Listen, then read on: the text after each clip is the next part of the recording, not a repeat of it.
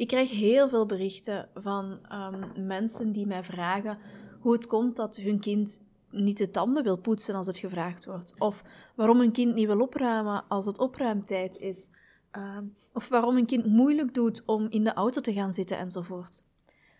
En dat is eigenlijk iets waar dat bijna elke ouder mee te maken heeft.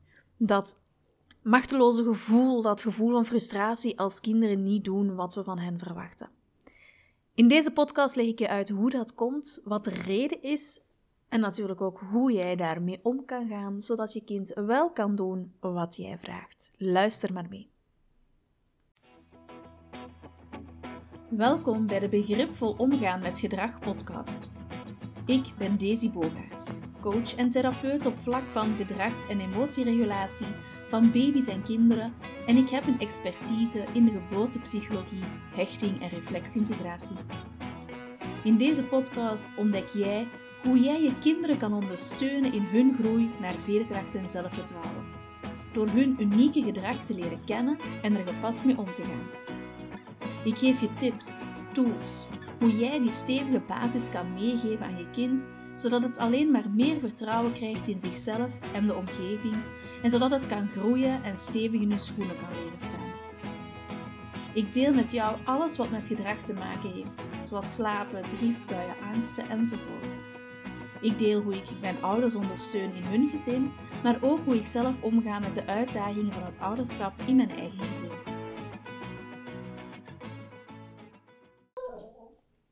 Hoe kan ik er nu voor zorgen dat mijn kind gaat luisteren? Heel vaak krijg ik die vraag via social media. Hoe zorg ik dat mijn kind gaat slapen? Dat hij in de auto gaat zitten? Dat hij zijn speelgoed opruimt? Hoe zorg ik ervoor dat mijn kind... Puntje, puntje, puntje. En in plaats van de vraag te stellen: hoe zorg ik ervoor dat mijn kind, zou je eigenlijk de vraag moeten stellen: hoe kan ik mijn kind helpen om? Om op te ruimen, om in bed te gaan liggen, om in die auto te gaan kruipen. Zodra dat we eigenlijk gaan zeggen van hoe kan ik mijn kind laten, ben je eigenlijk te hard gefocust op het gedrag. Het gedrag dat getoond wordt, het gedrag dat zich aan de oppervlakte laat zien. Maar er speelt zich eigenlijk nog zoveel meer af onder dat oppervlak. Hoe kan je je kind eigenlijk helpen begrijpen waarom hij zijn tanden moet poetsen? Hoe kan je je kind helpen begrijpen waarom dat hij nu in de auto moet gaan zitten? En wanneer we dat denkproces gaan veranderen, veranderen we ook onze mindset, maar gaan we ook ons anders gaan gedragen ten opzichte van het gedrag van ons kind. Uh, en gaan we ons kind dus eigenlijk veel meer kunnen leren en veel beter kunnen helpen. Nu, ik heb um, heel duidelijk geleerd dat elk gedrag van een kind een behoefte communiceert. Of dat nu in de klas is, of thuis, of op de speeltuin. Een kind gaat altijd via gedrag gaan vertellen wat hij niet kan verwoorden, wat hij met woorden niet kan duidelijk maken. Wij volwassenen gaan ons eigenlijk veel te vaak focussen op het gedrag, het gedrag dat getoond wordt.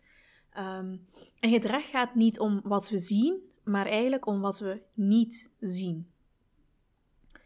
Um, en ik merk ook dat als je echt gaat zien wat er gecommuniceerd wordt met dat gedrag, dat dat gedrag zich ook minder frequent gaat tonen.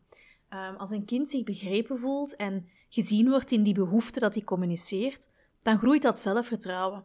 En als zelfvertrouwen groeit, dan is er ook meer veiligheid aanwezig en minder angst. dan zie je echt dat een kind zich beter in zijn vel voelt, en, en dat heeft gewoon op alle mogelijke vlakken een positief effect, want ook het leren, het concentreren gaat beter, um, de durf wordt groter enzovoort. Um, het is natuurlijk niet makkelijk om even op die pauzeknop te drukken als je kind um, lastig gedrag laat zien. Het is niet makkelijk om dan even op pauze te drukken en te gaan kijken wat er aan de hand is. want op dat moment zie je een kind dat lastig doet, Ehm, een kind dat het moeilijk heeft. Ehm, en je weet niet waarom. En het feit dat je op dat moment eigenlijk die controle niet altijd hebt, of niet weet wat er aan de hand is, kan soms al genoeg zijn om jou te triggeren, waardoor je boos wordt, ehm, of gaat roepen, of uh, je kind gaat straffen. Maar eigenlijk weet je kind niet beter. Op dat moment weet je kind echt niet beter. Wat speelt er op dat moment waardoor je kind zich zo gaat gedragen? Wat speelt er waardoor je kind slaat? Wat speelt er waardoor je kind een uitbarsting krijgt? Wat is er op dat moment aan de hand in die belevingswereld van jouw kind? Want jouw kind is op zich niet lastig. Een kind wil niet lastig zijn. Een kind heeft het gewoon lastig. Ehm, kinderen willen eigenlijk van nature uit alles doen om ons te pleasen, om ons te helpen, om ons ehm, ja, eigenlijk te plezieren met wat ze doen. En zij willen ons niet ambeteren of boos maken of treiteren met hun gedrag. Dat is zeker niet een bedoeling. Ze weten alleen niet hoe ze het moeten communiceren naar ons dat ze hulp nodig hebben. En het is dan aan de taak aan ons als ouder, als leerkracht, als verzorger om wel te gaan kijken wat erachter speelt en daarop te gaan reageren. Als een kind dat gedrag regelmatig laat zien, dat dus regelmatig herhaalt, dan is het een heel duidelijk signaal dat ze onvoldoende vaardigheden hebben om met woorden te gaan communiceren wat ze nodig hebben, of wat ze voelen, of wat er op dat moment in hun leeft. Als je een kind gaat straffen op zo'n moment, ja, dan gaat hij eigenlijk gaan stoppen met zich te gaan uiten. Want die roept jouw hulp in, die zegt van help, ik voel iets, ik ervaar iets waar ik moeite mee heb. En jij wilt niet naar mij luisteren, je blokt me af, um, ik mag het niet communiceren. En dan gaat hij ook op den duur het gewoon niet meer communiceren. Um, als een kind niet naar je luistert, is dat niet omdat hij um, niet wil luisteren of van slechte wil is, maar daar zit gewoon een behoefte in de weg dat hij niet kan communiceren. Um, dus een kind straffen omdat hij iets niet doet zoals jij het verwacht, maakt net een kind meer onzeker, maakt hij angstiger. Um, en het leert hem ook helemaal niks. Het leert hem alleen nog angstiger te zijn voor jou, want je kan straf krijgen of um, je, je kan boos worden. Maar hij heeft niet geleerd om met die moeilijke situatie om te gaan. Hij heeft niet geleerd om met die emoties om te gaan of om een oplossing te bedenken voor die situatie. Kinderen willen echt wel hun best doen om te groeien en willen echt beter worden. Ze willen die verbinding voelen. Ze willen het echt beter doen om ook te voelen dat, dat het oké zit tussen jou en hen. En ja, als een kind iets doet dat wij niet fijn vinden, dat we niet verwachten of dat we niet willen, dan worden we daardoor getriggerd. En dat komt heel vaak vanuit onze eigen pijn, van onze eigen emoties. Um, en beter nog, eigenlijk vanuit onze eigen behoeften die niet vervuld werden als wij kind waren. En heel vaak zien we die behoeften zelfs nu in ons huidige leven vaak nog onvervuld zijn, waardoor dat we daar dus door getriggerd gaan worden. Um, kinderen slaan niet omdat ze slaan leuk vinden. Um, het is gewoon op dat moment een poging om ja, te vertellen dat ze iets voelen, ervaren dat ze niet fijn vinden. Um, Alleen kennen ze daar gewoon de woorden niet voor en al zeker niet hoe ze ermee moeten omgaan. Uiteindelijk is elke ouder een leraar. Kinderen leren heel veel op school, maar ook thuis leren ze heel veel vaardigheden. Je kind leert elke dag door naar jou te kijken, door alles wat je modelleert, alles wat je voorleeft, leert een kind al heel veel. Een kind leert elke dag van jou nieuwe dingen, nieuwe vaardigheden, nieuwe woorden enzovoort. Um, sommige dingen leren we kinderen heel bewust. Um, we gaan hen helpen een glas te leren inschenken. Um, we leren ze alleen naar het toilet te gaan. We leren ze fietsen. Maar als het op gevoelens aankomt, dan vinden we het heel vaak moeilijk om onze kinderen daar iets over te leren. En eerlijk gezegd, als volwassenen zijn emoties soms ook best nog complex. Um, maar als het op emoties aankomt, dan gaan we er gewoon vaak van uit dat kinderen het zelf wel zullen kunnen en zullen leren. En dat is dus niet zo. Um, en dan is het heel belangrijk dat we gaan kijken van wat heb jij als kind nu nodig om te kunnen communiceren naar mij toe wat je nodig hebt. En er zijn eigenlijk vijf basisbehoeften die kinderen hebben, um, waardoor ze bepaald gedrag gaan laten zien, waardoor ze niet luisteren of weerstand gaan bieden um, of niet doen wat je vraagt. Zo zijn er dus vijf basisbehoeften die kinderen hebben. En als je gaat begrijpen wat die behoeften zijn van je kind, um, dan ga je ook weten wat wel of niet werkt voor je kind. Um, want ik kan nu 101 tips geven, maar die werken niet voor elk kind natuurlijk, want voor het kind dat op die moment behoefte heeft aan verbinding, zal die tip misschien wel werken, maar een kind die nood heeft aan een fysieke behoefte, die, ja, daar zal die tip dan weer niet voor werken. Dus het is echt heel belangrijk om te gaan kijken van welke behoefte speelt er bij mijn kind En wat kan ik daaraan doen? Um, als een kind niet luistert, is dat natuurlijk niet omdat ze je willen tegenwerken, maar wel omdat er dus een van die behoeftes in de weg staat waar ze niet mee om kunnen gaan. Um, zo was eens mijn zoontje aan het spelen met bunchems. Je kent dat wel, zo van die um, kleefbolletjes die um, ja, van die mini-haakjes die aan elkaar blijven hangen. En ja, op een bepaald moment raakt hij dan natuurlijk beu en gaat hij iets anders doen. Hij ging in de zetel zitten. En dat maakt dat hij op dat moment ja, nog niet had opgeruimd natuurlijk. Um, en papa die vroeg hem om al die bunchums samen te rapen, terug in de doos te steken, want het werd toch stilletjes aan bedtijd. Maar mijn zoontje deed het niet. Hij staarde voor zich uit um, met een heel rare blik.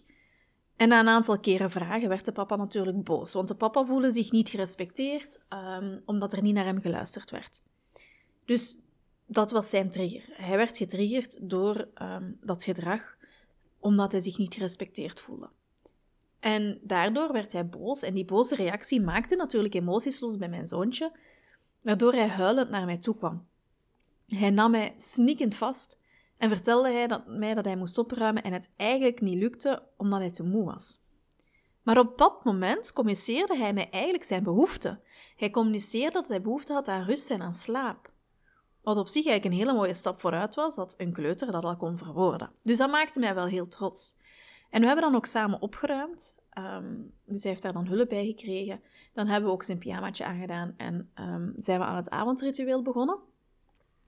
Um, maar die behoefte aan rust en slaap kon hij dus nog niet gecommuniceerd hebben op het moment dat papa vroeg om op te ruimen, omdat hij op die moment er nog niet klaar voor was om dat te communiceren.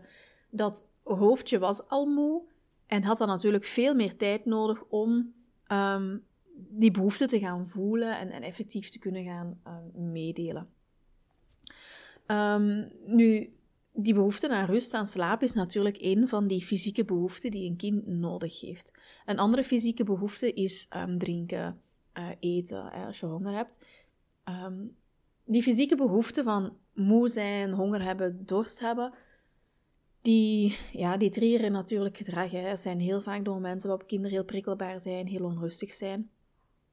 Dus dat kan een, een reden zijn voor een kind om ongewenst gedrag te laten zien. Een andere basisbehoefte is het gevoel hebben van ik wil erbij horen, ik wil verbinding ervaren, ik wil mij belangrijk voelen. Um, kan voor een kind een, een, een, reden zijn om zich dus niet helemaal juist te gaan gedragen of um, niet te reageren op wat je vraagt.